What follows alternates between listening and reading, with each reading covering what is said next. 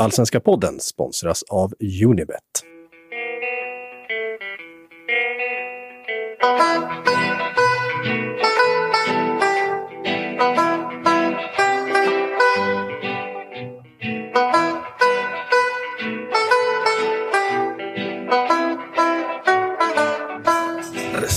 Herregud, spelar en jävel som bara borrar också. Mm. Hej och välkomna till den allsvenska podden som görs i samarbete med Robert Laul och Per Boman. Det är jag som är Laul och det är, det är du som är Boman. Hej Per! Hej! Vi kastar oss rakt in i dagens avsnitt som kommer att handla om krislagen, topplagen, mittenlagen och en hel del annat. Eh, Men jag ska börja med att säga att jag aldrig har haft så mycket fel om allting som under den här coronasäsongen. För vi satt ju bland annat här i förra veckan och sa att nu har tabellen satt sig efter 15 omgångar. Vad händer? Jo, Hammarby kryssar och Sirius lyckas vinna en seg bortamatch mot Helsingborg, kravla sig upp på topp 6. Just when we thought they were out, they pulled themselves back at top 6 again. Jag vill kunna räkna bort Sirius någon jävla gång, men det går ju fan inte. Rydström, han kommer tillbaka gång på gång. Han hemsöker oss som ett spöke. Vad ska vi göra åt eh, Siriusbommarna? De har ju 30 000 i eget kapital. Det är inte rimligt att de ligger där de ligger efter 16 omgångar. Se på Varberg, de har ju börjat rasa ordentligt nu. Det är ordning och reda, men inte Sirius. Nej, men det är ju årets allsvenska bragd, deras, eh, deras prestation. Um, det enda jag tänker på med Sirius, det jag tänker på, på såklart på Vecchia som gör så otroligt mycket mål och att alla klubbar som jagar honom. Och då tänker jag på Vecchia, jag tänker på Ogbu. Som är så, det är så mycket snack om dem och så många klubbar. Moses Ogbo i, i, Mjällby. i Mjällby då. Som ju var i Sirius tidigare. Och de har gjort såklart kanonsäsonger båda två. I, utifrån sin egen standard 5 plus säsonger. Det första i vecka i skadefri kan man vara en längre period. Eh, Ogbu gör mål. Eh, för, för tiden var bara bra, nu gör mål. Det jag tänker på dem, jag tänker, samtidigt tänker jag lite för många klubbar vill ju värva dem nu. Många tycker att det vore bra tillskott. Men jag ser lite som, du vet, när någon är riktigt bra i ett VM, när någon sydamerikansk spelare från, in, från något av de mindre länderna eller någon afrikansk spelare som El Hadid Diouf 2002, de kan ju vara jävligt bra i vissa mästerskap, eller hur? Och sen så blir de sålda till en, till en dyrt, till en storklubb och så, som ska, liksom, som ska liksom kassera in det de, de har gjort i den, här, i, den här, i den här mindre miljön tidigare. Men det finns ju vetenskapligt bevis på att det är alltid fel att köpa någon som eh, överpresterar i ett VM, för det säger inte så mycket hur bra de kommer vara i klubblaget sen, utan det, det finns ju så här empiri på att det ofta är, är ett dåligt beslut. Och jag funderar på, kan det vara samma sak med Vecchia och Ogbu? Eller tror du att de två skulle kunna göra det lika bra i en storklubb? Nej, men jag tror, och det var ju lite det jag inledde med, att jag har aldrig haft så här mycket fel eh, som jag haft under den här säsongen om olika saker, vad det ska ta vägen. Och jag har ju inte arbetat på något annat sätt utan jag landar hela tiden i slutsatsen att den här säsongen är jävligt konstig. Och det är inte konstigt att den är konstig eftersom den är helt annorlunda mot alla andra säsonger som har spelats. Det var ingen ordentlig försäsong, det var inga träningsmatcher. Nej.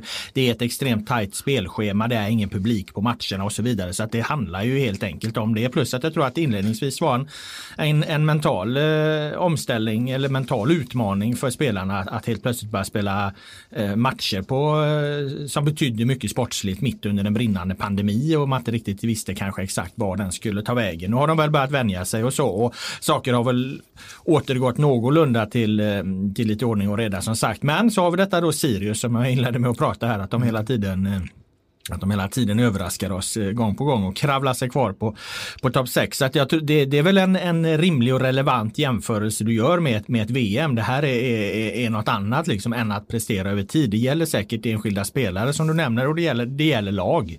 Eh, och någonstans är det väl det som är, är, är förklaringen. och det, alltså, jag, jag har alltid gillat att allsvenskan är oberäknelig och oförutsägbar men det, det får inte gå för långt. Det, det, får inte bli för konstigt. Då, blir det, då går det inte riktigt att ta på allvar, då känns det inte seriöst. Det är nästan, jag läste någon, någon prata om att man skulle sätta en sån här, vad heter det, Asterix eh, bredvid Malmö FF eh, när de nu har vunnit allsvenskan. Att ja, det här var liksom en coronasäsong, det var inte en riktig nej, säsong. Nej, nej, jag säger inte att eh, jag säger det, jag säger att jag såg ett sånt förslag eh, fladdra förbi på de sociala medierna. Men jag vill ändå fråga, jag vill stanna till lite vid veckan då. Eh, han, han, har utgående kontrakt, många klubbar jagar honom. Sirius har inga pengar i, i grunden, är en väldigt fattig förening och dessutom, ja, i dessa, i dessa tider är det extra illa att vara det. Mm. Om de får eh, liksom fem miljoner för vecka för att släppa honom i sommar, borde de göra det då? Ja men problemet är ju att eh, alla klubbar behöver pengar och inga klubbar har pengar. Det är jävligt känsligt, det är svårt att, att värva. Jag tror att det finns en, en osäkerhetsfaktor kring eh, Vecchia, att han har varit så mycket skadad. Med all rätt. Eh, det har ju pratats länge om att han är Sirius bästa spelare.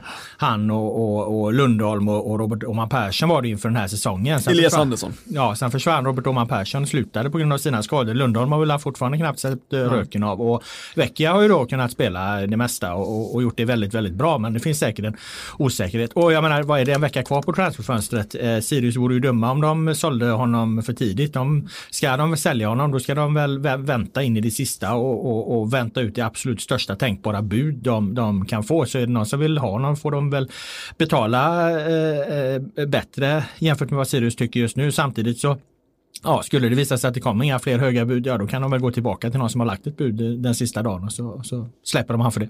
Absolut. Så, så, så kan det absolut vara. Eh, ja, det var en liten eh, personlig utveckling där kring det. Eh, vi går rakt in på kvällens första ämne och det är då krislag nummer ett som är IFK Göteborg just nu.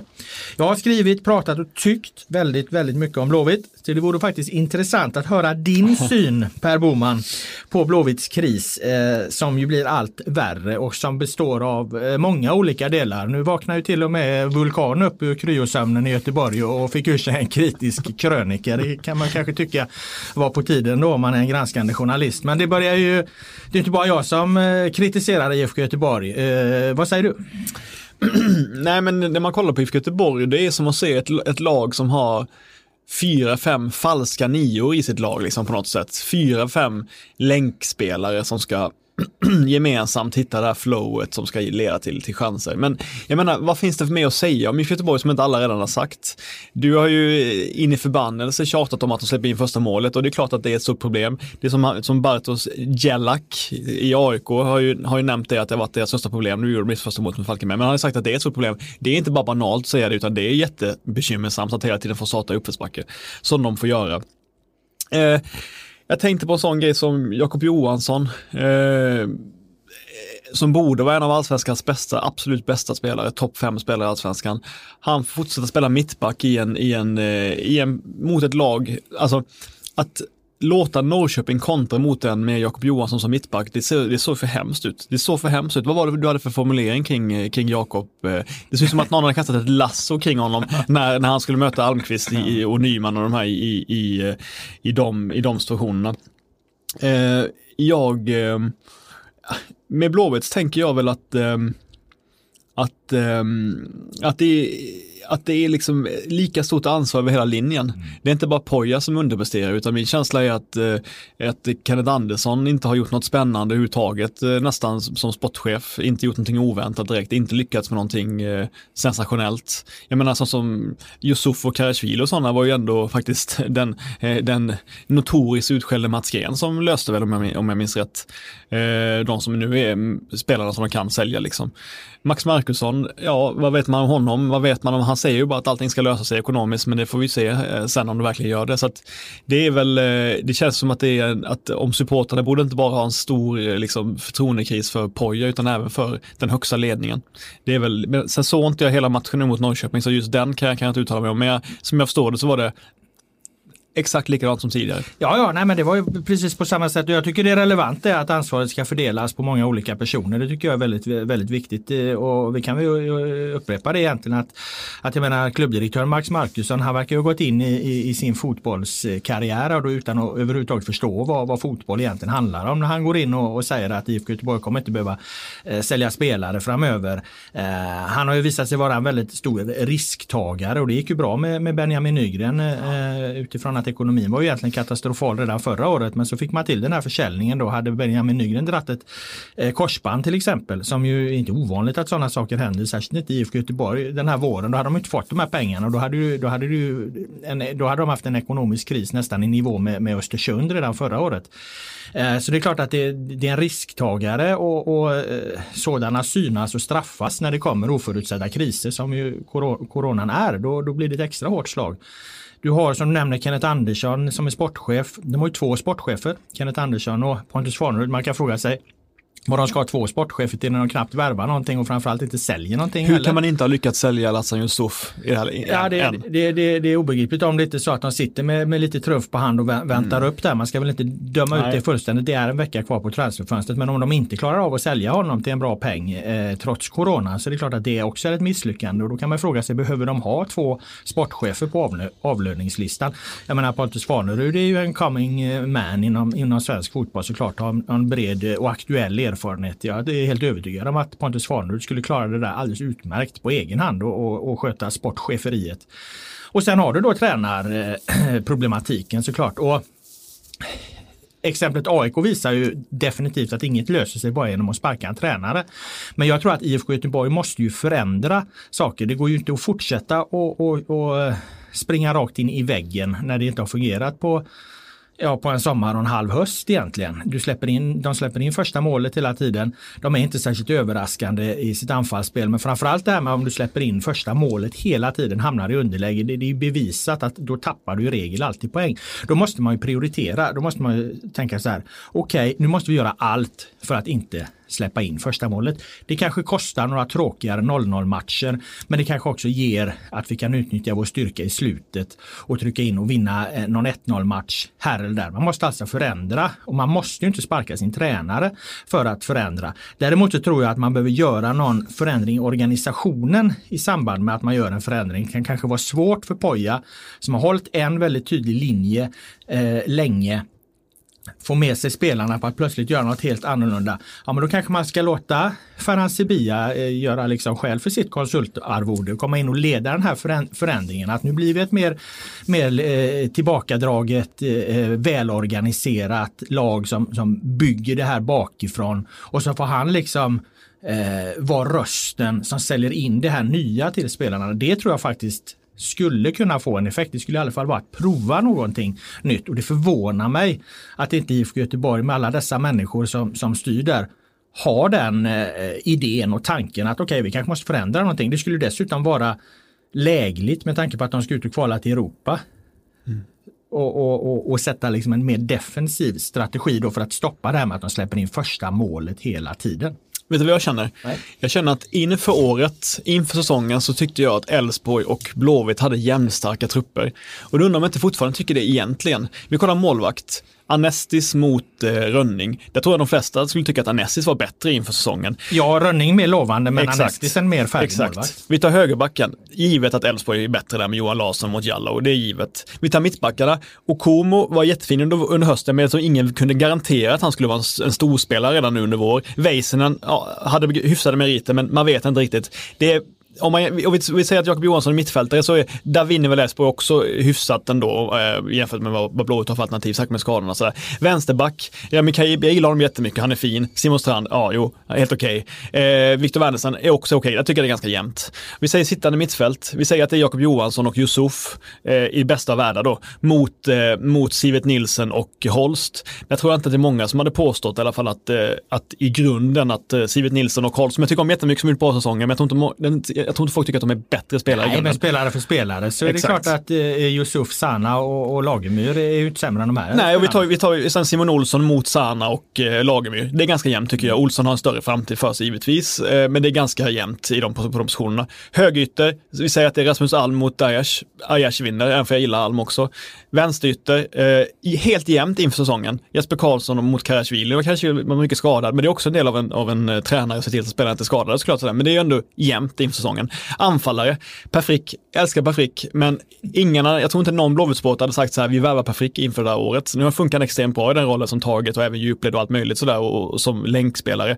Eh, de har ju inte haft någon riktig anfallare, Robin Söder då, men jag tror att de hade valt Robin Söder före, före Frick inför året då. Totalt får man ändå säga att Blåvitt nästan har, har, nästan har starkare trupp egentligen än Elfsborg, men presterar så enormt mycket sämre. Det tycker jag är sensationellt. Ja, det är sensationellt och, och det handlar ju också om att det, det det handlar om att få ut max av befintligt spel, spelarmaterial. Alltså spelidén får ju aldrig stå över vad du faktiskt har för spelare att tillgå. Det är det jag menar att här måste man i IFK Göteborg förändra. Medan man, man i Elfsborg har förändrat och anpassat sig väldigt mycket och framförallt också anpassat sig kanske efter den här coronasäsongen med ett extremt tajt matchande, eh, valt en mycket mer fysisk fotboll. Eh, det, när, när, lagen liksom inte fungerar riktigt så, så, så når du mer framgång med det sättet att spela. Det måste man ju också kunna eh, titta på. Allting kan ju inte enbart handla om en, en, en process som man pratar om, om IFK Göteborg. För jag menar de här spelarna kommer ju och, och går. Det går inte att vara så processinriktade som man är i IFK Göteborg för att du får inte behålla laget. Det ser inte likadant ut över tid. Nej, men det är, och det är viktigt att påpeka faktiskt att det har varit ett bra spelarmaterial att jobba med. Visst, man har saknat någon mittback ibland, man har saknat någon riktigt bra anfallare, men i grunden så har inte Blåvitt ett dåligt spelmaterial. De har ett bra spelmaterial för att vara, för att vara ett lag som eh, är precis bakom Europaplatserna. Mm. Därmed går vi över till eh, det andra stora krislaget i allsvenskan eh, med en liten jämförelse där. För att eh, om man tar AIK eh, så skulle jag säga att deras lag eh, på pappret är ju fantastiskt egentligen. Det är en otrolig trupp. Eh, men mot Falkenberg här i deras senaste match så hade de faktiskt sina fem största namn bästa spelare på pappret. Mm. Alla de fem är alltså med i matchen mot Falkenberg och då talar jag om Sebastian Larsson, Ofori, Nabil Bahoui, eh, Kolben Sigthorsson och Henok Goitom. Då har de fem eh, klassspelare på, på planen och de klarar alltså inte med dessa fem eh, att besegra eh, tabelljumbon. Det är ju någonstans eh, sensationellt, men, men det säger väl också någonstans att de här spelarna, de här fem stora namnen, de är inte i närheten av eh, den nivå som man, man kanske har en bild av att de ska vara på. Det är en annan sorts problematik här. Ja, man kan ju nästan gå igenom dem en, en och en under deras säsonger. Om man tar sånt som Ofori. Det är klart att när han sätter de här långskotten i början av försäsongen i Svenska cupen, då tänker man kanske har han blivit en mer offensiv spelare än vad man trodde.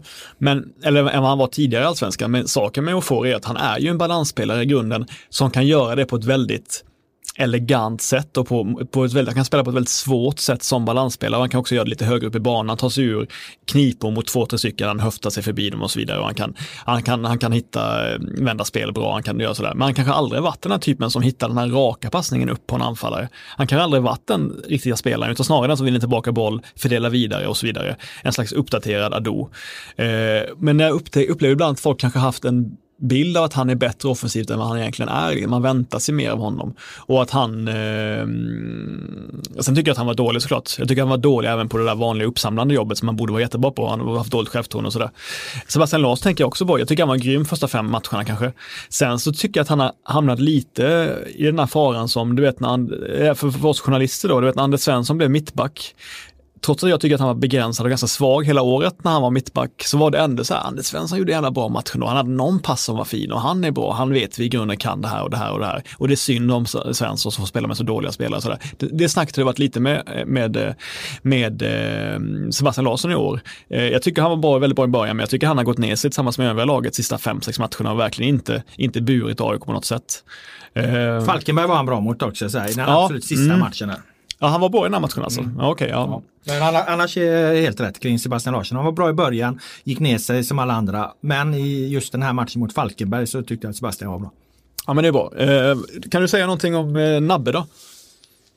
Alltså det, han är ju bara väldigt, väldigt långt ifrån sin eh, mm. formtopp. Eh, det är klart en spelare som inte är 100% med fysiskt, då spelar det egentligen ingen roll vad du har gjort tidigare. Eh, är du inte 100% fysiskt eh, med eh, efter en lång skada så, så, kommer du inte leverera. Vi har sett mängder av exempel på det på spelare som har kommit tillbaka till allsvenskan. Mm. Kasaniklic i fjol, mm. det tar tid för dem att komma igång. Det, är ju det, det facket har ju eh, Nabil Bahoui hamnat. Ja. så att det är klart att där finns någonting om han, han kommer, kommer i form. Men en ganska krånglig säsong att komma i form under det här. Nu har de en träningsvecka visserligen men, men jag menar eh, det är ju ingen garanti för att han, han hittar formen. Eh, det man kan säga övergripande om de här fem, om vi tar med då eh, Sigthorsson och Goitom också som var anfallspar mot, mot Falkenberg så är det att där, där AIK idag står det är ju att knacka långa bollar mot, eh, mot eh, Sigthorsson som ska ja, men vinna duellen tillräckligt mycket för att den ska ramla ner hos Goitom, hos Bahoui, hos eh, eh, Larsson och få det där och, och, och ett andra bollspel. Det är ju ett extremt primitivt eh, spel. Det är med, med alla dessa klassspelare då så är det där AIK står. Knackar långt mot Sigthorsson. Jag tänker så här, jag, jag eh, Östersundsmatchen som de förlorar, där, där det är svårt att i samband med den matchen hitta ljusglimtar. Man kan inte, liksom, man kan inte lägga ner tid på det egentligen, utan där måste man ju gå ganska hårt mot AIK. Men i grunden fanns ju någonting i, liksom, energin, i rakheten, i det enkla spelet hos AIK som jag kunde tycka var ganska vettigt mot Östersund, även om de inte skapar någonting. Jag tycker att det fortsätter med det spelet ganska tydligt, även då mot, mot Falkenberg som de säger. Mm. Och på så sätt så är det intressant med, med Bartos, för jag tycker att han har gjort ganska mycket rätt ändå. Alltså jag, jag, man förstår logiken bakom hans beslut och hur han väljer att spela med AIK. Men det sorgliga är då att det ändå inte leder till några poäng. Och det kan jag bara, det måste ju handla någonting om, jag tror inte att spelarna saknar saknar eh, vilja eller så passion, tycker de kämpar jävligt hårt, men kanske är de, jag förstår inte, vad är, vad är det som gör att de är så okreativa? Nej, men liksom? jag tror att det var det jag började med ja. att resonera här. Alltså de här spelarna är inte på den nivån vi förväntar oss att de ska vara. Vi kan inte säga så här att, att Ofori, Sebastian Larsson, Nabil Bahoui, Kolben Sigthorsson, Henok Goitom, allt det de har gjort tidigare under sina karriärer, mm. det är gamla meriter. Om de levererade på en 4-5 plus nivå tidigare under sina karriärer så levererar de nu på en 2-3 plus allsvensk nivå. Eh, och, och, det är inte jättedåligt, men det, det är, heller, det är heller inte bra. Det kommer säkert, det kommer säkert räcka till att AIK eh, kravlar sig lite uppåt i, i, i, tabellen precis som du, du, säger för det är liksom inga, det är ju inga ett plus-spelare i ja. nivåmässigt på, no, på något sätt. Men jag tror att man måste nog vrida hela sitt perspektiv kring att, att de här spelarna är inte på den nivå de en gång var och frågan är om de någonsin kommer att nå dit igen. Det, det, det, det är ju inte helt säkert. Eh, och det är det jag menar att det leder liksom det leder ju mig in på eh, att jag kan hålla med om att Bartosz Jelak har ju gjort vad han har eh, kunnat göra. Jag har inga stora eh, synpunkter på hans fem matcher trots att han inte har vunnit en match utöver att han uppenbarligen inte kom in och spred någon energi i laget. Nej. För det brukar ny, tränarbyten brukar nästan alltid leda till det. Man, nya spelare får chansen som har varit på bänken tidigare och, och, och man får liksom en kortsiktig effekt. Det misslyckades han ju med. Men, men utöver det så har, håller jag med dig, precis som att han, han har, har väl gjort det, det han kan göra.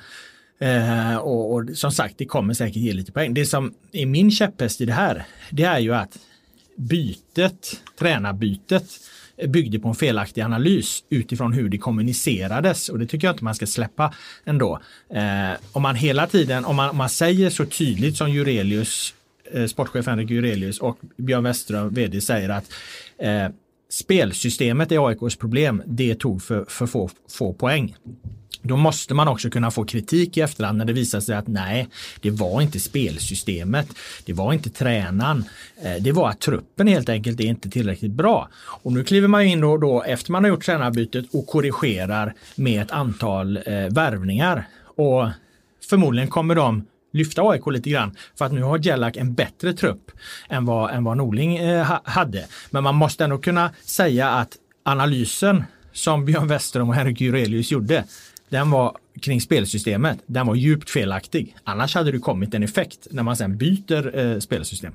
Nej, men mitt sista ord om det, bara vill jag säga så här. Jag håller med dig om att det inte har blivit bättre sen Norling fick sparken, men jag tror att det hade varit lika dåligt om han var kvar.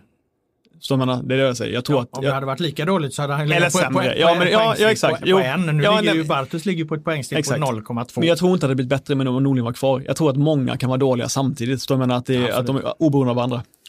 Det var de två krislagen, IFK Göteborg och AIK. Vi vänder helt på perspektiven och kastar oss på det som man skulle kunna kalla då eh, årets coronavinnare.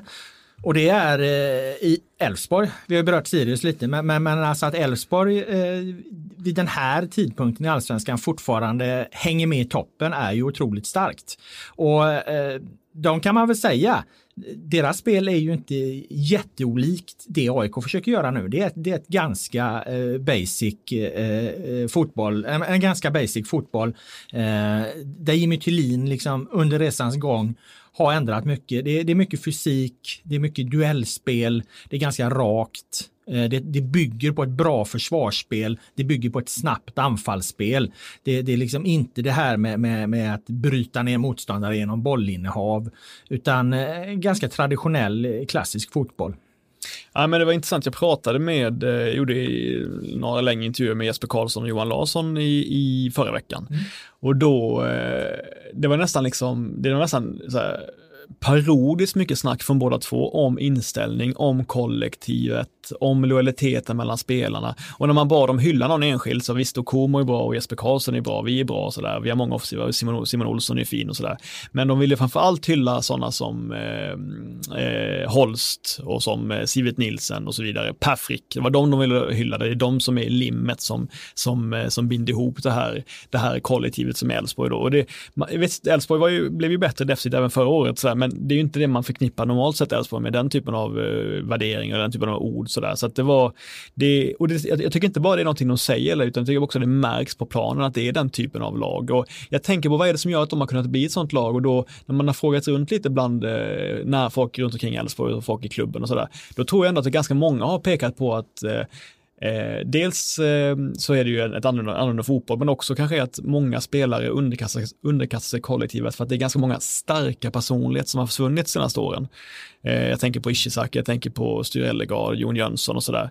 Spelare som kanske inte eh, ja, men som kanske inte hade den, eh, som kanske inte gick att underordna på samma sätt i det här nya kollektiv på något sätt. Det är ändå flera stycken som har nämnt det lite sådär mellan skål och vägg och det tycker jag var lite intressant. Men det är väl då ett lag där alla drar åt samma håll på ett annat sätt. Mm. Man kan väl också säga att, att eh, eh, precis som du säger så har några starka viljor eh, försvunnit som kanske drog i en riktning. Samtidigt så har ju då Thelin har ju också eh, flyttat eh, sig rent eh, ideologiskt mm. i, i, sin fotboll. Det är som jag är inne på. Det, det är det är ju liksom inga avancerade saker de egentligen sysslar med. Och när du pratar med dem och, det de också tar upp så är det ju klassiska grundvärden också. Att, att eh, vi spelar för varandra och, och, och, kollektivets styrka och ja men allt det du nämnde i din utläggning här. Och, eh, jag menar, det hör du ju inte på samma, du hör inte det i IFK Göteborg till exempel, du hör inte det i AIK på samma sätt. Liksom, utan det hamnar, det hamnar diskussionerna hela tiden om massa andra saker.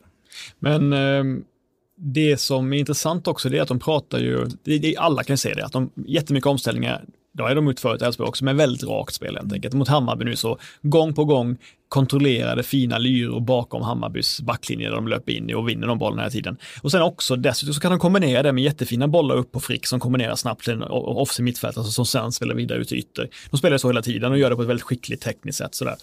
Eh, men men eh, det, jag, man får, när man, och jag menar, jag minns ju hur J-Söder var under Jimmy Thelin. var fan sällan de slog en, en djupledsboll och det var hela tiden snack om att ytterbackarna skulle in centralt och spela vidare, för man bli liksom spelfördelare där vi, lite som Manchester City har spelat och det var på positionsbyten och sådär. Hur många positionsbyten ser du i Elfsborg nu liksom? Ja, nästan inga alls, utan det är väldigt tydligt två stycken defensiva mittfältare och det är otroligt att kunna ha en sån som Holst och Sivet Nilsen bakom Simon Olsson, så Simon Olsson slipper vara den här jävla eh, flytta boll från kant till kant och vara liksom en jävla fin Xavi-typ, utan nu får vara högre upp, få ut sina tekniska kvaliteter och binda upp många spelare runt omkring sig innan han spelar vidare och sådär. Men då sa jag frågade jag många spelare så här, du vad fan eh, Jimmy, det verkar ju ändå vara det är ju liksom, eh, jag förstår att ni har många värden som är lika, likadana som när ni började ha honom som tränare, men han har ju ändrat mycket på spelet. Han, har, har han ändrat så mycket Jimmy sådär eller? Nej, nej, nej, nej, det är samma tränare, det är samma tränare, det är precis likadant som tidigare. Det var som att det fanns en, liksom en nästan, det var nästan som att det fanns en sur, trotsig liksom vilja att, att, eh, att, att väga erkänna att Jimmy Tillin kanske ändrat lite, men kollar man på matcherna så är det ju en stor skillnad på Elfsborg. Ja, det är klart att det är och det börjar väl någonstans för ett år sedan den där mm. Eh, tydligaste förändringen. Men, men det de också har som är intressant, de har ju ett anfallsvapen som inget annat äh, allsvenskt lag har. Mm. Och det är ju att de har en mittback i, i Josef Okumo som alltså slår dödande, sårande eh, crossbollar från egen backlinje det finns ingen, det finns ingen mittback i närheten av att slå den typen av öppnande passningar. Det är ju för fan ett anfallsvapen när han sätter iväg sina, sina djupledsbollar. Eh, jag har sagt det flera gånger i den här podden, han kommer spela i Champions League inom några år den där mittbacken. Och, och eh, det är inte bara att han då försvarar bra. Det är inte bara att han får eh, Väisänen och, och, och, också se ut som en 5 plus mittback. Eh, utan han har ju dessutom ett, ett anfallsvapen i sina crossbollar. Det är oerhört. Ja, men tänk också Elfsborgs framtid nu som har nu gnetat på med ganska, de har faktiskt alltid, de spelar ju alltid in unga spelare. Till skillnad från andra, andra lag som bara gör det ibland så försöker ju faktiskt alltid Elfsborg spela in några unga spelare varje år. De har liksom, de har dragits med Simon, Simon Olsson ganska många år nu trots att han faktiskt underpresterat i vissa perioder liksom och sådär. Eh, och de vågar allt spela in sådana som Kaib och Dresovic och allt möjligt sådär. Och den försäljningspotentialen de har nu i Rönning, i Okomo, i Simon Olsson och Jesper Karlsson. Mm. Det är ju dröm ju för, för en manager och, och klubbchef eh, Thelin och, och eh, Andreasson. Men det jag menade med, med, Ja. med Okomo där, nu gick du in på något annat, det var ju som Ja. ett svar på att de säger att de spelar ing, inte annorlunda. Nej, nej. Det, är klart att Elfsborg inte har haft den här typen av, av crossbollar från anfalls, som ett anfallsvapen. Det här gör ju att eh, motståndarnas backlinje måste ju förhålla sig till hans bollar. De måste ta, de, de, alla lag vill ju tajta till det och kliva upp, liksom, hålla Mm. laget kort och, och, och, och så här. Eh, där måste du hela tiden eh, ta höjd för att fan, här kan det komma en crossboll. Det ger ju Elfsborg mycket större ytor att spela på också. Vilket gör att de ibland, som du var inne på, eh, ser väldigt, eh, väldigt bra ut på små ytor och, bolltekniskt. Allt där. Fast så jävla märkvärdigt är det inte. Däremot får de en hel del ytor på det tack vare att de har det här hotet bakifrån. Så att, och jag menar, det, anfall, det, det spelet har ju, har ju Jimmy Tillin aldrig använt sig av tidigare. Så det är klart att det är en jävla skillnad på, på hur Elfsborg spelar idag mot hur Elfsborg spelar tidigare. Och det handlar inte bara om hans crossbollar givetvis, men, men det är en del i det. Ja, men det är också liksom att det, det är inte heller en, liksom, det är, inte så, det, det, det är aldrig dumdristigt offensivt. Jag menar, Johan Larsson är allsvenskans mest offensiva högerback just nu. Han är liksom en spelfördelare på högerkanten tillsammans med Aslak von Witry, en liknande spelartyp, går också väldigt högt upp. Men då är också Holst där hela tiden, konstant. Han är ju i grunden en ytterback som, som täcker upp hela tiden. Så det är inte så att de offrar någonting på det ändå, utan de bara får upp eh, en spelare som Johan Larsson högre upp där han ska vara när de har bollen. Liksom. Och så kan Okomo till exempel sätta den bollen hela tiden utan att misslyckas med de bollarna rakt ut där. Eh, Så han slår dem så, så pass bra, de crossbollarna, så att det är inte så pass mycket luft på dem så att eh, motståndarspelarna hinner dit och nicka undan, utan den kommer alltid på bröstet på, på, på Johan Larsson. Johan Larsson som för övrigt varit väldigt bra tycker jag. Däremot finns ju ett coronaperspektiv på Elfsborg också och det är att eh, de ligger, eh, senast jag kollade, tvåa i, i tabellen. Va? Ja, Och eh, hade det här varit en normal säsong, vi säger att coronan aldrig hade eh, hänt, så tror jag inte att Elfsborg hade fått samma utväxling på det här. De hade fortfarande varit ett, ett bra jävla fotbollslag. Men istället för att, att flåsa Malmö FF i nacken och jaga Europaplatser så kanske de hade jagat strax bakom Europaplatserna på en eh, fjärde, femte, sjätte plats någonstans. Jag tror ändå att det finns en, en, en coronaeffekt. Men det, det, det tycker jag inte att eh, det ska man inte ta som negativt för att vad vad Elfsborg har gjort, det, det, det, de har ju liksom de har sett möjligheten och gripit den i flykten. Det här är en rörig jävla säsong. Eh, det, det är svårt kanske att sätta ett flytande, perfekt fungerande spel. Här kommer vi vinna mer på en lite enklare, rakare fotboll just det här året. Eh, och så har man fått max utväxling på det. Och så säger du det du är inne på med de här eh, försäljningspotentialen eh, de har i vissa spelare kan de dra nytta av och bygga en ekonomi och så bygger man sig, sig uppåt och eh, skapar en, en, en, liksom en mer ett, eh, bestående högre nivå i sin verksamhet. Och då har man ju liksom använt coronamöjligheten som ett avstamp för att hamna där. Det förutsätter ju i så fall att transferfönstret studsar tillbaka till normala så de kan få några pengar någon gång från de här spelarna också. Men, men låt säga att de väntar ett, ett år med att sälja dem och det, det är mer som vanligt då, nästa år. Ja, då, då, då har de ju då en, en, en ekonomi som kanske etablerar Elfsborg tillbaka på en högre nivå. Och då har de ju som sagt använt coronaröran att, till att skapa sig den eh, plattformen. ja håller Och det är intressant för då, då kan det här liksom, den här liksom kortsiktiga framgången eh, som ändå kan förklaras med att andra lag har underpresterat. Eh, det kan ge Elfsborg en, en, en, långsiktig, eh, en långsiktig placering på en högre nivå. Mm. Därmed eh, lämnar vi eh, Elfsborg och eh, går över till den suveräna serieledaren som nu har nio matcher utan förlust, Malmö FF. Eh, kryss visserligen senast mot Mjällby. Där innan det eh, en uddamålsseger mot Örebro. Vi såg de matcherna. Jag såg Örebro-matchen och, och du såg eh, Mjällby-matchen. Eh, vad i Malmö FF ser du som deras tydligaste guldnycklar? Ja, nej men det är ganska enkelt. Det är deras eh, nummer ett, överlägsna pressspelet. Om man tar det här, eh, om man jämför, eh, när AIK skulle möta Mjällby borta, då hade de inte de en möjlighet kunna sätta press på Mjällbys tre mittbackar. Mjällby är ett bra lag. Mm. Mjällby är ett bättre lag än Örebro till exempel. Mjällby är ett mycket trycklag med bollen, vilket gjorde att när AIK skulle, skulle försöka gå på mot, mot Mjällby så kunde de rulla, ut sig, rulla, rulla bort sig från det konstant hela tiden utan problem. För de har så pass bra och bollskickliga wingbacks, framförallt Jase på, på vänsterkanten är hur bra som helst. För övrigt, jag tycker han är jättebra med bollen, jättefina inspel och också bra defensivt. Och så har de tre underskattade mittbackar som alla kan hantera bollen och var dessutom bra i duellspelet. Så det gick inte att pressa dem helt enkelt. AIK hade inte chansen att göra det. Men tror du Malmö klarade det? I andra, alltså första halvleken hade de lite problem, men det var- handlade lite om att, att Malmö var lite för avslappnad på något sätt kände jag. Liksom.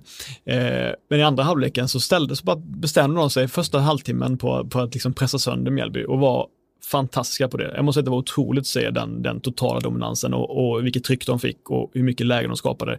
Visst, då kan folk säga att Mjällby medvetet backade lite, men jag tror att de snarare att de gjorde det för att de var tvungna att göra det efter ett tag. Liksom. Jag måste säga att Malmö var väldigt bra på det. En anledning att de förlorade den här matchen, det är ju som Christiansen har rätt efteråt. Vi sa att vi inte skulle dra på oss några dumma frisparkar så att de får eh, fasta situationer, men de drog på sig säkert tio stycken dumma frisparkar eh, och hörnor, vilket gjorde att de, mm, ja, Mjällby som var bra i matchen fick alla de här Jag förlorade poäng gjorde de va? De förlorade inte... Ja, jag förlorar poäng i matchen. Det är för att de har alla de här hörnorna och inläggsfrisparkarna. Liksom. Eh, men, men, eh, men ja, första skälet är pressspelet, andra skälet är ja, eh, den kreativiteten centralt i banan med Christiansen, Toivonen och sen då Kiese på topp. Nu saknar de två av dem mot, mot, mot Mjällby. Nalic gjorde ingen vidare insats. Eh, Christiansen var bra såklart, jättebra i den här matchen. Och det, blir, det räcker nästan med en av dem för att vinna. Liksom. Har man två så vinner man varje match. Eh, det är de två viktigaste skälen. Jag skulle säga att eh, eh min bild av Malmö FF i år är att eh, de bestämmer själva om de vill vinna eller förlora eh, sina matcher. När Malmö FF ser till så att de levererar på toppen av sin förmåga så eh, vinner de fotbollsmatcherna. Det, det enda som styr hur det går i fotbollsmatcherna det är eh, motivationsnivån, inställningen hos Malmö FF. Är den bara på topp så är de bättre än sina motståndare och då vinner de nio av tio fotbollsmatcher i, i, i den här eh, allsvenskan. Men för att komma dit, för att hela tiden leverera på den här höga nivån och få ut eh, så mycket som möjligt Eh, så måste man hitta någon form av strategier att förhålla sig till. Och där tycker jag att Jon Dahl Tomasson har, har gjort det väldigt bra och han har framförallt gjort det väldigt enkelt. Det, det, du kan du behöver inte känna igen Malmö på deras tröja utan du kan känna igen Malmö på deras sätt att spela för det ser nästan likadant ut varje gång de kommer till eh, organiserade anfall. De sätter ner eh, Christiansen eh, lite till höger och han söker två alternativ. Antingen sök, söker han in på Toivonen, Thelin, eh, vilka spelare de nu har i ytan mellan motståndarnas mittfält och backlinje. Ifall det är trångt där och motståndarna har packat det tajt, ja, då, sätter, då sätter han en spelvändning istället. Över hela det här blocket och där kommer Knudsen eller där kommer Rex eller där kommer någon annan beroende på vem som spelar farande och har då massor, massor av ytor. Därefter tar Malmös eh, organiserade tankar slut. Där litar de helt på spelarnas eh, eh, förmåga att, att lösa det. Där är det inte styrt längre. Och, och, och likadant ifall motståndarna försöker parera spelvändningen, ja då sätter man in den på Toivonen och där är det inte heller organiserat längre utan då, då litar man på Toivonens geni eller vilken spelare det är som, som, som kommer ner där för de har så skickliga fotbollsspelare. Eh, de två eh, de två delarna använder de sig av hela tiden. Plus det du då nämnde med det här eh, återerövringsspelet som ju också är systematiserat. De, de, har- ma- eh, eh, Thomasson har på ganska kort tid anammat det här nya, det som nästan alla lag eh, använder sig av, den tidiga pressen. Då, att, att, att pressen ska liksom, den handlar inte om att sätta in den högt utan det handlar om att sätta in den tidigt när motståndaren får bollen för då är motståndaren sämre eh, orienterad på fotbollsplanen. Och det här har han ganska, på ganska kort tid fått att eh, fungera väldigt effektivt. Så det gör de väldigt, väldigt bra. Det är de bärande tre delarna i, i Malmö FF och så länge de bara gör de här sakerna i kombination då givetvis med att de har bra målvakt och en bra backlinje. Det, det är en slags grund, grunddel. Men i kombination med det, då avgör de själva om de vill vinna sina fotbollsmatcher eller inte. Gör de bara de här, här, här grejerna, ja då kommer de vinna 9 av 10 fotbollsmatcher i år. Jag tänker att fysiken är extremt viktig också i Malmö. Dels att de kan variera laget med flera olika spelare som är fräscha, men också att de, som Kim Bergstrand säger, har allsvenskans överlägset starkaste, snabbaste och mest fysiska lag. Eh, Det är ju själva förklaringen till att de alltid, inte alltid, men ofta nu eh, senaste åren går bra i Europa. ja. Det tror jag att folk missar lite när man bedömer Malmö FF. Man kan se att de ibland tidigare framförallt kanske har varit, sett lite liksom fyrkantiga ut och haft lite svårt att, att, att eh, spela en läcker kortpassningsfotboll på, på, på små ytor. Men de har alltid haft den här fysiken och den är själva anledningen till att de eh, tar sig vidare i Europa. För du kommer inte vidare i Europa om du inte har fysik och om du inte har effektivitet. Och, och Malmö har ju eh, medvetet tittat på, på spelare som har de förmågorna.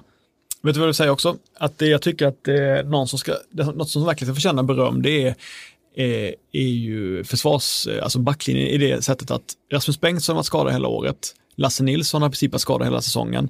Oskar Lewicki som var den första nödlösningen som mittback som ju klarade av det, det vet vi, var jättebra, går också sönder. Han var ju Beckenbauer ju. Ja, exakt. Enligt ja, Jonas, det exakt. var ju väldigt ja, överdrivet jo, då. jo. Och, sen, och sen nu kommer Frans Brorsson och gör det liksom bra också bredvid Anel, Anel och Ahmed Hosic. Ahmed Hosic som ju alla trodde på skulle få chansen inför året, men då har spelat varenda jävla match som mittback och gör det bra såklart.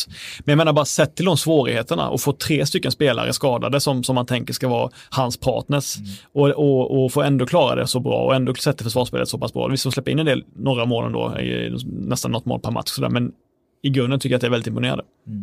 Ja, och eh, där kommer ju det övergripande in då, det som styr fotbollen och det är ju pengarna. De har ju den bredaste truppen och det är klart, är det någon, något lag som liksom ska klara eh, skador på, på den här nivån. Det är mycket skador och det är tätt spelschema och, och allt det här. Ja, så är det ju Malmö FF just av, av den anledningen att själva liksom grundförutsättningarna i allt det här är att Bredas trupp kommer till, till slut vinna och, och det ser man ju också resultatet av när, när de kan hantera den typen av skador som du nämner. Mm. Och sen nu får de ju, Erik Larsson har också spelat nästan varje match, nu får de in Beijmo där jättebra. Knutsen har fått ett stort ansvar på vänsterbacken för att Safari har varit för dålig helt enkelt än så länge. Eh, där har de väl, nu är egentligen, nu är väl egentligen vänsterbackspositionen den enda de saknar riktigt stark konkurrens eftersom att Berang Safari inte varit eh, jättevass än så länge. Men jag är imponerad av det som jag var inne på just Mm. vad gäller Malmö. Jag tycker att det är, eh, jag tycker att det är snyggt att, att, att, eh, att, ha, att ha en sån tydlig idé som ändå är varierad i sig. Är du med? Att, att hela tiden lyckas flytta anfallen när de själva äger bollen så att du hamnar i utgångsläget Christiansen lite till höger. Antingen kunna sätta in den mellan motståndarens backlinje och mittfält. Gör de det tight, ja då sätter du en crossboll på en spelare som, som kommer där. Och det blir liksom inte, det blir aldrig statiskt eftersom oavsett vilket alternativ Christiansen eller vem som nu sätter den bollen väljer så bygger det på, på någon form av överraskningsmoment när spelvändningen kommer eller när bollen kommer in till Toivonen. Det blir, det, alltså det är systematiserat, eh, det är låst, det är bestämt, men det blir ändå, det blir ändå en variation i det och det tror jag handlar om att, att det är inte så jävla mycket instruktioner till alla spelare utan man har valt, valt ut några liksom nyckelpunkter i spelet som är väldigt viktiga. Det här ska vi göra och vi ska göra det så här för då kommer det ge det. Så behöver inte spelarna tänka på så jävla mycket annat. Och, och utan att jag vet exakt hur hans taktikgenomgångar låter så tror jag att det är ungefär så. Men det som gör spelvändningen extra bra i Malmö, det är ju att eh, de har så sjukt fysiskt starka ytterbackar i Knudsen och Larsson att varje gång när bollen kommer ut, då är det inte Rex eller Jo Inge Berget ensam mot en ytterback, utan det tar mig fan alltid enorm yta och två mot en. Alltid två mot en för att resten av försvarsspelarna måste centrera för att klara av hotet från Christiansen och Toivonen och Kiese. Så att det är ju, det är ju, de får ju sånt övertag på kanterna när de väl, när de väl vänder spel också. Jag tror att ska man besegra eller göra det svårt för Malmö FF, då, då, då ska man störa dem högre upp i planen. Malmö får mer problem eh, om de blir störda i sin backlinje. Eh, då, då har de svårare att hitta det, det där. Å andra sidan, om du väljer att störa Malmö högt upp, då blir ditt eget lag eh, väldigt utdraget. Lycka, de gånger Malmö ändå lyckas ta sig, ta sig igenom den här pressen, som de ju till exempel gjorde mot Örebro i andra halvlek när det stod 1-1. Örebro hade flyttat upp, Axel Kjell insåg att vi kan liksom inte, vi kan inte försvara oss eh, runt eget straffområde. Malmö bryter ner oss, vi måste ha ett högre försvarsspel, vi måste riska det här. Eh, då har ju Malmö så mycket individuell kvalitet i de här spelarna, så även när det då uppstår helt andra nya situationer där, där Malmö inte har tagit sig via si, si, sina ordnade anfallstankar utan du, du, motståndaren är utdragen, det uppstår eh, situationer, då är de ju grundskickliga individuellt så att då löser de de situationerna. Då kan Jo Inge Berget eh, sätta liksom en, en yttersida i djupled på Adinalic som har kommit in från eh, frysboxen och han på, på liksom ett tillslag dunkar dit den eh, i, i, i första läget. Det, det, det, är ju, det är ju det du riskerar om du inte försvarar dig samlat mot Malmö. Så att det är det jag menar. Hur motståndarna på den här nivån än gör så kommer Malmö checka upp dem om Malmö gör sina saker rätt. Jag tror att man kan försvara sig lågt mot Malmö om de bara har en av eh, Christiansen, Kistelin och Toivonen. Då tror jag det går. Men har de sig med både Christiansen och Toivonen, då tror jag inte det går att försvara sig lågt mot eh, Malmö heller. Nej, och särskilt inte när de har alla tre. Nej, precis. Då är det omöjligt. Då eh, går vi över till eh, ett lag som kanske möjligen då eh, hotar Malmö FF eh, på sikt här eller inte. Det är i alla fall Djurgården. De är ju regerande mästare och de eh, klamrar sig kvar i toppen genom en, en stark period här på slutet. Nu ska ju de då som första lag ut i Europa den här veckan och kvala till Ungern. Så medan alla andra lag får vila här nu så fortsätter ju den intensiva perioden för, för Djurgården. Och en effekt av coronan är väl att eh, eh, det vi pratade lite inför säsongen att de skulle göra en monstersatsning på Champions League. Det, det har ju omöjliggjort såklart. Det, det, det, Bosse Andersson och, och Djurgården är en ansvarstagande fotbollsförening. En, kanske en av de allra mest ansvarstagande eh, ur ett samhälleligt perspektiv som vi har i det här landet. Det är ett väldigt sympatiskt drag hos, hos eh, Djurgården att de alltid liksom eh, värderar eh, sådana saker och inte enbart tittar på liksom renodlad sportslig framgång utan de, de tar ett eh, samhälleligt ansvar i, i, väldigt många delar. Och därför har de inte gjort någon stor eh, monstersatsning nu som kan vara roligt ur ett sportsligt perspektiv utan de får ju köra på det de har helt enkelt. Ja, och Ja, det är klart att jag var tveksam för några veckor sedan om det var bra nog. Men nu känner jag att de har haft en jävla flyt och då också skickligt, på ett skickligt sätt fått ut väldigt mycket eh, av den här truppen lagom till Europaspelet. Medan nu kunde de inför matchen i Europa vila Erik Berg. Eh, de hade Ulvestad avstängd, deras två bästa spelare förmodligen. Eh, samtidigt så fick de tillbaka Chilufya och Bergkrot från skada. De fick spela 20 minuter och komma i form. Kujovic fick hoppa in och spela 20 minuter och komma lite bättre i form också. Eh, han får inte så bra kontinuitet. Eh, samtidigt som han då kunde ge spelare som eh, eh Banda och eh, Nyholm chansen att också liksom få en, en start. Sådär. Men du hade en intressant utläggning om eh, Kujovic där, att ja. de spelar ju honom då, skrev du, eh, enbart mot, ja det beror på matchbilden helt enkelt. Möter de bollskickliga lag på bortaplan på konstgräs, då har de inte med Kujovic, för då klarar inte han av att jaga i pressen tillräckligt mycket. Ja, det är min känsla i alla fall. Sen matchen mot Sirius, eh, öppningsmatchen när Sirius i grunden var nästan bättre än Djurgården, eller åtminstone spelmässigt, så har man ju inte gett Kujovic chansen och Astrid, om Astrid är inte kvar längre, eller han är inte med och spelar just nu. De har inte fått chansen att spela från start på bortaplan, framförallt inte på konstgräs. Och det tror jag bara beror på det. Att de inte erbjuder, eh, de, de pressar inte tillräckligt bra och de erbjuder heller inte ett djupledsspel. Och då får de ingenting av dem helt enkelt. Det är ganska intressant det för att då kan man ju ena sidan, ena sidan tänka, alltså ska inte ett fotbollslag på Djurgårdens eh, nivå då klara att eh, ha en spelare som inte behöver tokjaga. Måste alla liksom inordna sig det, eh, den delen av fotbollen? Alla, eh, alla elva, ja, tio spelare, målvakten jagar inte så mycket, men alla, alla tio utspelare måste eh, vara beredda och, och, och, ta den typen av defensiva löpningar hela tiden. Kan man liksom inte ha nio gubbar som gör det hårda jobbet och, och, och ha då en med spetskvaliteter eh, som kan göra målen eh, så att säga. Å andra sidan så, ja, det är ofta det vi pratar om här att jag menar, ska man komma någon vart så måste ju alla göra sitt och, och, och eh, alla måste eh, inrätta sig i hur tränarna vill spela fotboll och, och, och så. Och det, uppenbarligen så anser ju då Lagerlöf och, och Bergstrand att de får ut max av Djurgården om alla är delaktiga här. Men det, det, det, det, det, det är en intressant diskussion att du, du faktiskt inte ens kan avvara en tung anfallspjäs för att alla måste vara med i det här jagandet. Ja, men jag tror liksom inte att det och det handlar ju inte om att Kuruc inte vill. Jag tycker att min bild av att han är en jävligt lojal spelare Ja. som gör sitt bästa och försöker följa instruktionerna. Jag tror bara att inte han har de fysiska förutsättningarna att klara av det. Men det är ju det att hade han också varit lite bättre i djupled så hade det kanske varit okej att inte han var jättebra i pressspelet. Men en sån som Kalle Holmberg är extremt rörlig när han är när han är ensam topp i Djurgården. Han är nere och möter boll, han är nere och fördelar vidare, han länkar samman, han, han är också med och avslutar uppe. Jag tror inte Kujovic har den kraften att klara av att göra alla de sakerna samtidigt. Liksom. Och då får man ju liksom fråga sig, ja, borde de köpt honom då från början? Liksom? Borde de tagit in honom? Ja, man kanske måste chansa med en spelare när man har en sån kille med ändå skyttegångspotential och hoppas att det ska ordna sig. Men sen har de sett då när han har spelat att det inte har funkat riktigt. Liksom. Men Djurgården är väl ett av de lagen, de har ju lite olika strategier här hur man jobbar, sportchef, tränare. Djurgården är väl ändå ett lag där Ja. sportchefen eh, superbosse Definitivt. tar sina beslut och köper de spelare som han tycker och, och tränaren kanske inte har det är inte Djurgården tränaren har mest att säga till om ur det perspektivet. Medan kanske i IFK Göteborg då så lyssnar man uppenbarligen väldigt, väldigt mycket på, på vad tränaren vill ha för eh, spelartyper till sitt eh, spelsystem. Eh, AIK var väl ett exempel med Norling och Westström där det var uttalat liksom att Westström köper spelarna och Norling får det, får det som levereras.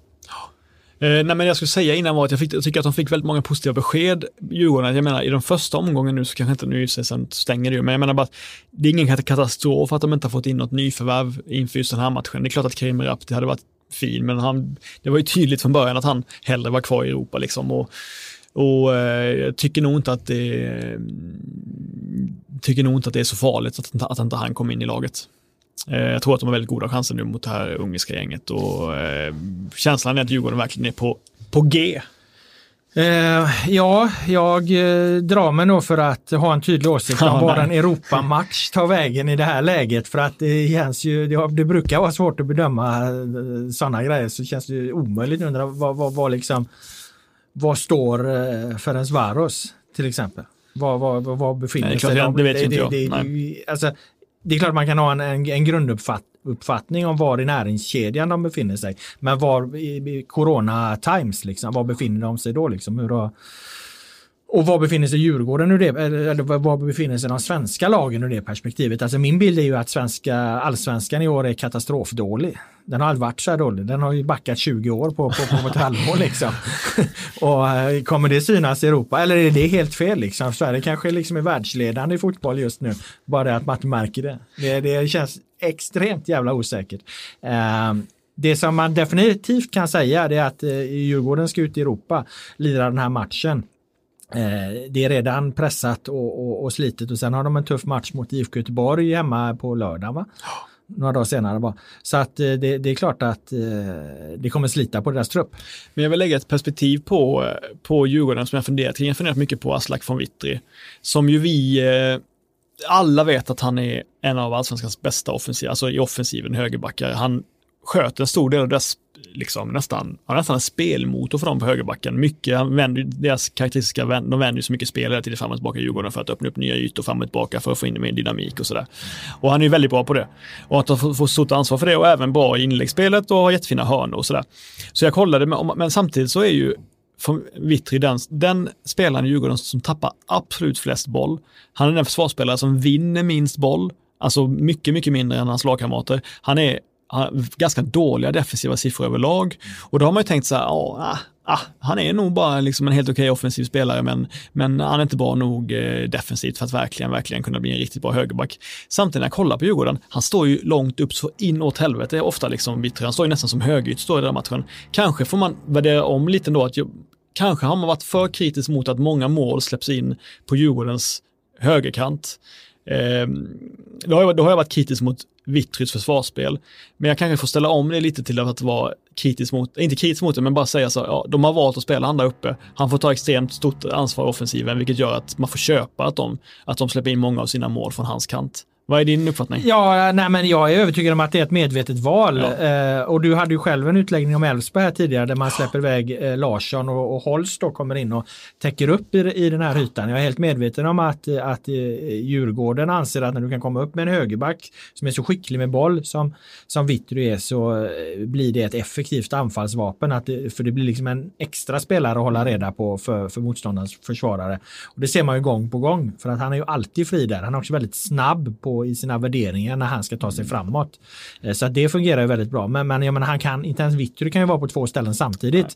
Och då behöver han ju någon form av, av, av hjälp från central mittfältare eller från eh, att man vrider på hela eh, uppställningen så att mittback kommer ut mer som en, mm. som en, en mittback i en trebackslinje eller vad det nu kan vara. Jag vet inte, men jag är övertygad om att de, de pratar om det och de anser att nyttan av Vittrys position är större än förlusten eh, att de släpper in ett antal mål. Annars hade de inte gjort det. De har ju sagt till Vitter att nu, nu går du inte över halva va? Nej. Och så hade han gått över halva och varit utbytt i nästa match. Ja, så han, det, det, är klart att det här är medvetet. Han var ju jätteoffensiv förra året också, men då tyckte jag att man, man kanske värderade honom. Man kanske var krit, för kritisk mot hans defensiva insats ibland, för han får ju ofta springa tillbaka med andan i halsen liksom. Och det är klart, då tar man kanske sämre beslut sen också, för det är ju inte svårt att ta sig förbi honom när han hinner tillbaka heller. Det är ju ganska många som trampar förbi Vitter. Han är ju lite för ivrig i det rena. Han är inte jätteskicklig i det rena försvarsspelet ändå, det måste man ändå säga. Nej, nej, det är han ju inte. Och han är väl en sån här, eh, vad, vad kan vi kalla det, en karriärsytterback. Mm. den här typen av, av ganska bolltrygga, skickliga eh, fotbollsspelare som inser att de ändå inte är tillräckligt bra för en karriär som yttermittfältare eller eh, anfallare. Eh, men däremot så, så, förstår de att om de spelar eh, ytterback så kommer de ha en jävla karriärsfördel genom att de är så bra offensivt. Mm. Eh, det, var ju så, eh, det var ju så han i Blåvitt, eh, vad fan hette han nu då, eh, som eh, eh, norrmannen som gick i landslaget där. Eller Sami. Ja, precis. Han, han var ju vänsterback förvisso, men, ja. men han, han var ju en anfallsspelare i grunden som insåg att fan, jag kommer ha mycket större chanser att göra karriär som fotbollsspelare om jag väljer att spela på eh, vänsterbacken istället för att då kommer mina offensiva kvaliteter eh, komma till mycket större nytta och då har jag en konkurrensfördel. Det var, jag tror det var en agent som hade sagt till honom, jag intervjuade honom om det en gång. Och det är ganska intressant. Lite så har väl Vittry eh, resonerat för jag tror inte att Vittry med den spelartypen han är, när han var 12 år så drömde inte han om att han skulle vara högerback. Han drömde om att han skulle vara anfallare och göra massa snygga mål. Eh, men någonstans längs vägen har han insett att eh, fan det är bättre, det är bättre för min karriär om jag spelar högerback. Men det är med en sak som Vittry däremot inte kan liksom skylla på, det är att han han missar ganska mycket passningar på egen planhalva både från minnet kan man, kommer man ihåg att de ska, motståndarlagen skapar mycket chanser för att han slarvar på egen planhalva. Men också när jag kollade insats så ser jag att inga spelare i Djurgården tappar så mycket boll på egen planhalva som han gör. Och det får man inte göra om man ska vara en spelfördelande högerback. Eh, liksom. Då får man inte, visst man kan slå en längre boll som inte går fram, men man kan ju inte tappa enkla sidledspass och sånt från den positionen. Nej, det ska man ju egentligen inte göra, men, men det är ju också hans, eh, det är ju också hans eh, roll lite tror mm. jag, att ha ett lite svårare spel där. Men det är klart att eh, Aslak von Witry eh, inte är fullärd. Att han, att han också har saker att lära. Mm. Eh, fullt, fullsnackat är det däremot om Djurgården med det. Eh, vi fick en reaktion på förra veckans podd om att det enda vi sa om Örebro då var att de eh, låg ungefär där de brukar ligga i tabellen. Eh, och sen så pratar vi inte så mycket eh, mer om dem. Eh, nu har vi sett Örebro båda mm. två här det senaste. Jag såg dem mot eh, Malmö och du såg dem mot Djurgården. Och jag var ändå ja, men eh, utifrån förutsättningar hyggligt imponerad och tyckte att de bjöd ett, ett förhållandevis gott motstånd mot eh, Malmö FF. Medan du tyckte att de var eh, mer eller mindre undermåliga mot Djurgården. Ja, det var medioker pojkfotboll i 90 minuter.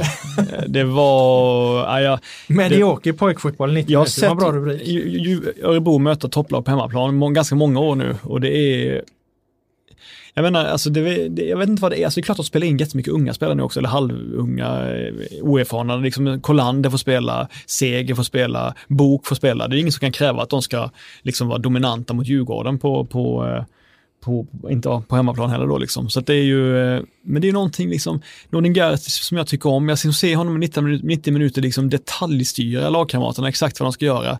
Ta honom, driv förbi honom, passa hem, slå bollen till mig liksom. Alltså det är någonting, jag vet inte, det ser liksom, för att vara ett lag som ändå satsar mycket på eget, på eget bollinnehav, på, på, på att hitta liksom, att luckra upp lagen, så saknar jag finess i Örebro. Jag saknar Men har liksom de, inte, kreativitet. har de inte gått över lite till att vara ett mer positionsinriktat 4-4-2-lag, i alla fall på bortaplan? eh, Jo, men och så, jag har sett, sett dem där. där tycker jag ändå att de har varit ganska bra. De är ganska välorganiserade. Jag såg dem mot Norrköping. Sen såg jag dem mot Malmö. Det som jag tyckte var imponerande mot Malmö det var just den förmågan att ställa om. Att Axel Kjell då, som jag väl inte har blivit eh, imponerad av så många gånger under hans eh, resa med Örebro här. Men däremot tyckte jag att det var snyggt att han, han insåg att den här första halvleken, även om vi har med oss ett hyfsat resultat, de hade 1-1 då, så kommer det här eh, handbollsmatchbilden, den, vi, vi kommer aldrig klara den liksom. Vi måste flytta upp. Malmö är mer sårbara om vi, om vi eh, stressar dem högre upp. Nu får alla nu får alla liksom kliva upp ett par steg och så försöker vi störa dem högre upp. Och man fick till liksom en, en, en, en hyfsat jämn matchbild. Eh, sen är det klart att i den matchbilden så skapar eh, ÖSK Eh, bara halvchanser och de har inte den kvaliteten och till slut är det de här ytorna som gör att de förlorar matchen. Men de gör det mot en övermäktig motståndare och det var ändå ett intressant, intressant sätt att, att eh, förändra från att spela på ett sätt i första halvlek till att spela på ett helt annat sätt i andra halvlek och inget av sätten var egentligen jättedåligt. Ja, men så förvånar mig då, liksom, om man ska ta enskilda beslut som man tar då i den här matchen mot, mot Djurgården, det är ju att han sätter Erik Larsson då som ensam anfallare i den här matchen. Eh, och det tycker jag, om det är någon match, som, han är ju vänsterytt, han är ju bäst som vänsterytt tycker jag, han kan spela högerytt också, men jag tycker han är bra när han viker in från vänsterkanten. Om man nu möter Djurgården som har von Vittry just då, som är jättehögt upp hela tiden, varför inte chansa och spela eh, Jake Larsson i den ytan bakom där och försöka anfalla därifrån? Varför ska han vara ensam anfallare i matchen mot just Djurgården då? Agon Mehmet har ju faktiskt sett bättre ut än på länge och verkar ju vara på G nu, så kanske finns någon skada som inte jag vet om eller att han har varit sliten eller sådär, men då känner man ju liksom att eh, Ja, men Larsson var helt, helt osynlig som ensam anfallare och då, man, måste, man kan ju bara utgå från det man ser och det tycker jag var ett konstigt beslut. Ja så är det ju, men i matchen då innan mot Malmö så skallar han ju för fan in en, ett eh, inlägg där kliniskt Mm. som en striker som aldrig hade gjort annat än att nicka in bollar från, från straffpunkten. Så att det är möjligt att det fanns med då. Men eh, han fick inte frågan Kjell då på presskonferensen om hur han resonerade kring eh, valet av, eh, av Jake Larsson. Som Nej, jag borde ställt en fråga, men jag var så... Det intressant jag att började-. Det blev så mycket snack om värmen eftersom eh, Niklas Bärkroth sa att han såg kameler på planen för att det var sån hetta.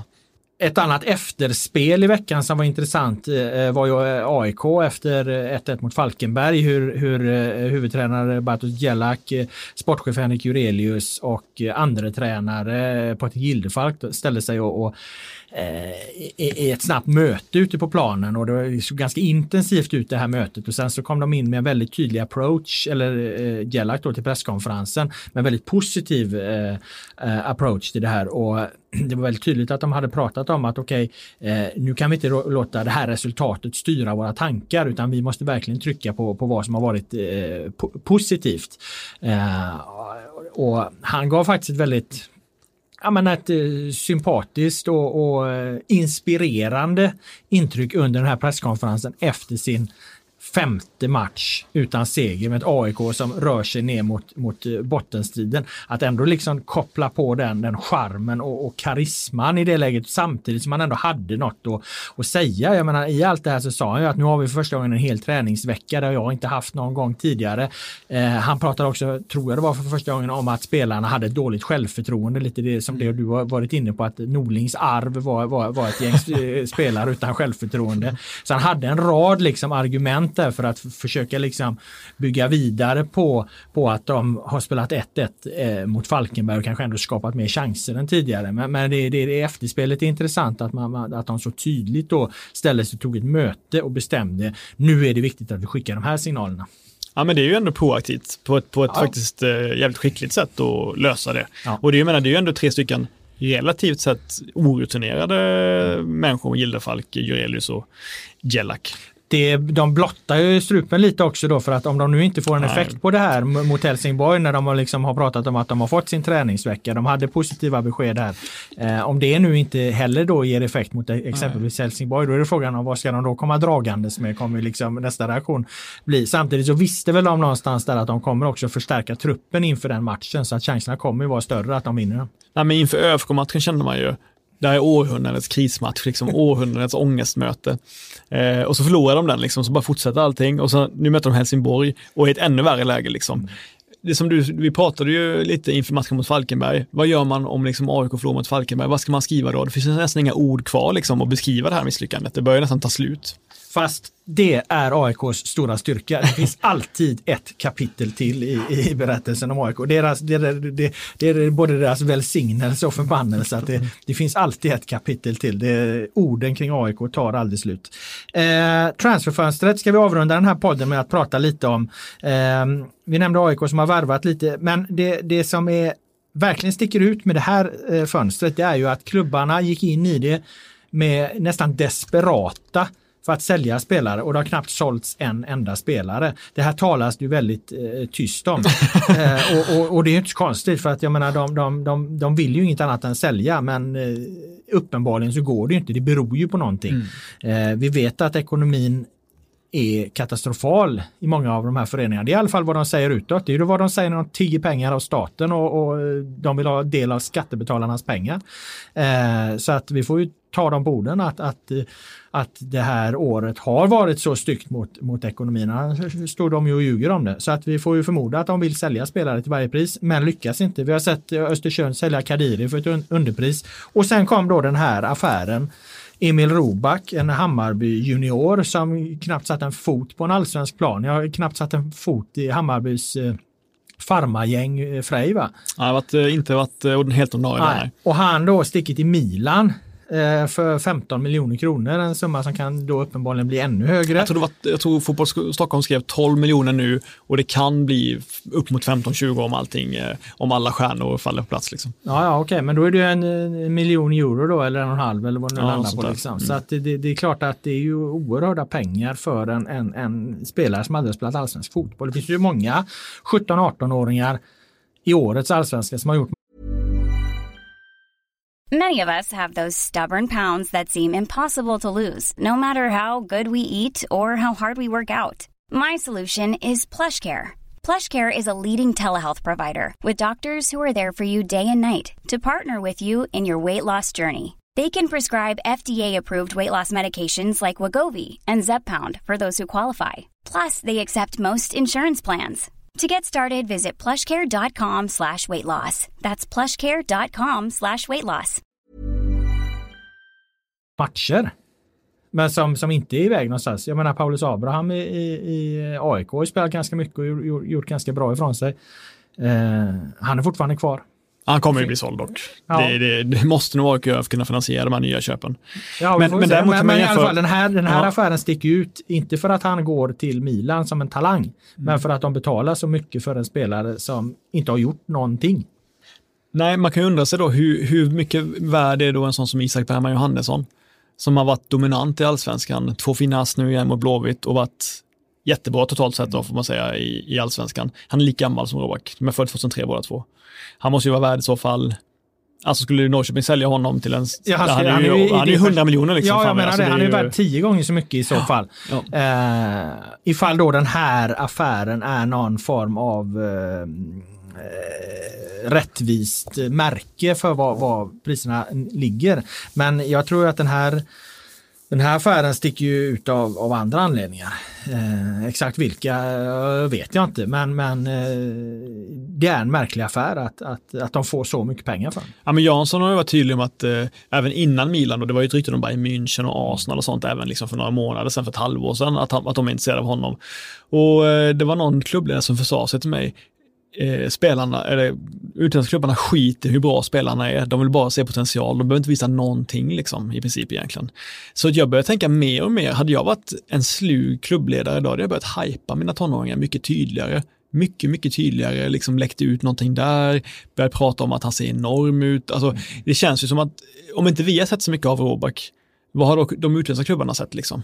De kan inte ha sett så mycket, jag tror inte de har så mycket scouter på Frejs matcher, jag tror inte att de har så mycket bra koll på, visst man har sett deras ungdomslandskamp och sådär, men jag hade jobbat mycket mer med att, med att bygga mina talanger, eh, skrikit om det nästan, liksom pratat om eh, eh de, här, eh, de här spelarna, för jag tror nästan att man skulle kunna sälja en, eh, en, en bluff snart som är 15 år gammal om man ger dem, om man ger dem en match i, i allsvenskan. Liksom.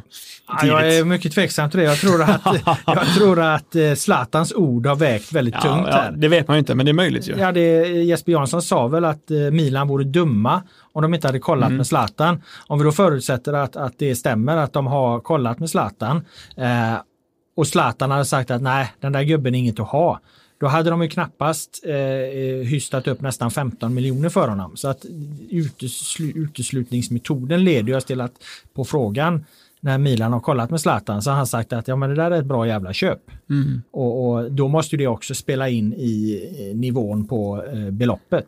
Och eh, sen får man ju fråga sig då om det nu är så att Zlatan har sagt då, det där är ett bra jävla köp, det här är en riktig, riktig talang eh, och allt det här. Hur, har, är hans, handlar hans liksom värdering, är den av Emil Robaks faktiska kvaliteter eller handlar det också om att han är, är delägare i Hammarby och någonstans ju har ett intresse av att det kommer in pengar i Hammarby? Ja, det. Så att det, det blir ju en, en, en, en lång kedja av eh, tankar som dyker upp där när det, när det är så svårt att sälja spelare. Inga andra spelare säljs och så kommer plötsligt den här junioren som inte har satt en fot på en allsvensk arena. Och, och ja, hittills är sommarens dyraste försäljning. Ja, men det som och jag menar, du skulle, som du säger, då skulle ju Norrköping skulle kunna snabbt ta in 100 miljoner på Isak Bergman Johannesson då, om- det här liksom är en måttstock. Men det som är intressant tycker jag det är att om jag har förstått rätt med Robak, det lilla jag sett det är att han är en ganska lång, stor, stark, bra djupled, eh, väldigt snabb eh, spelare liksom. Påminner ju ganska mycket då om en sån som Amin Sarr i Malmö FF, som har de egenskaperna också. Men ju har visat det i allsvenskan, eller hur? Han har ju visat det redan i allsvenskan. Han är dock två år äldre. Men han har visat att han, redan nu är en spelare som definitivt håller på allsvensk nivå, trots att han är väldigt ung.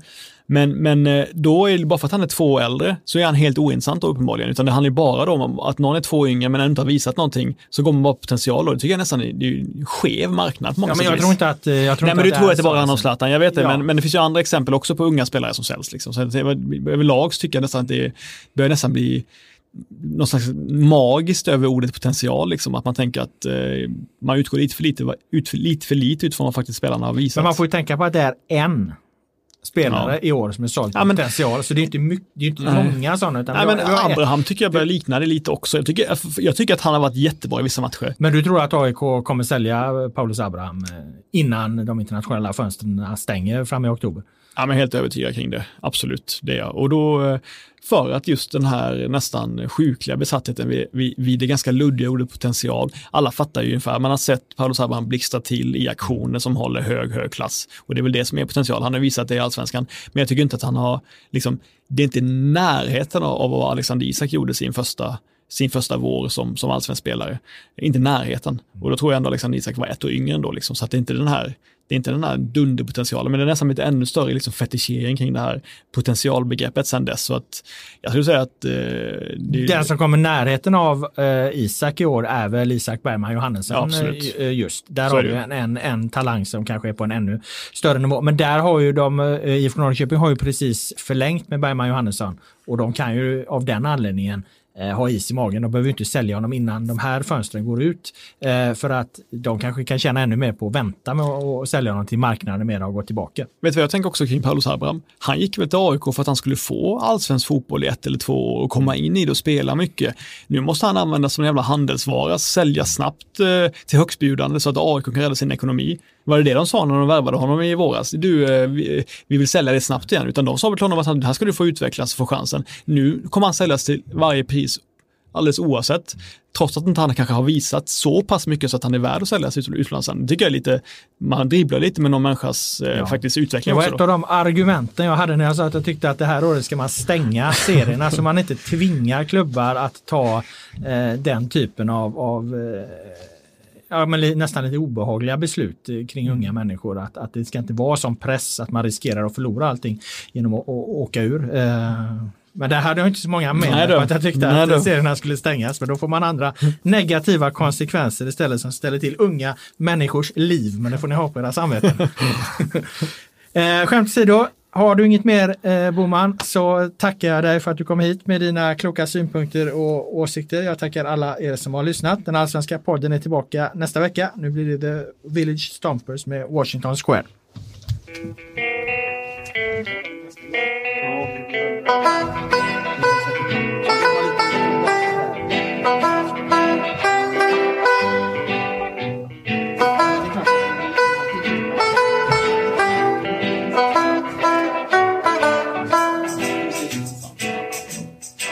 Ja, alltså det är ju intressant.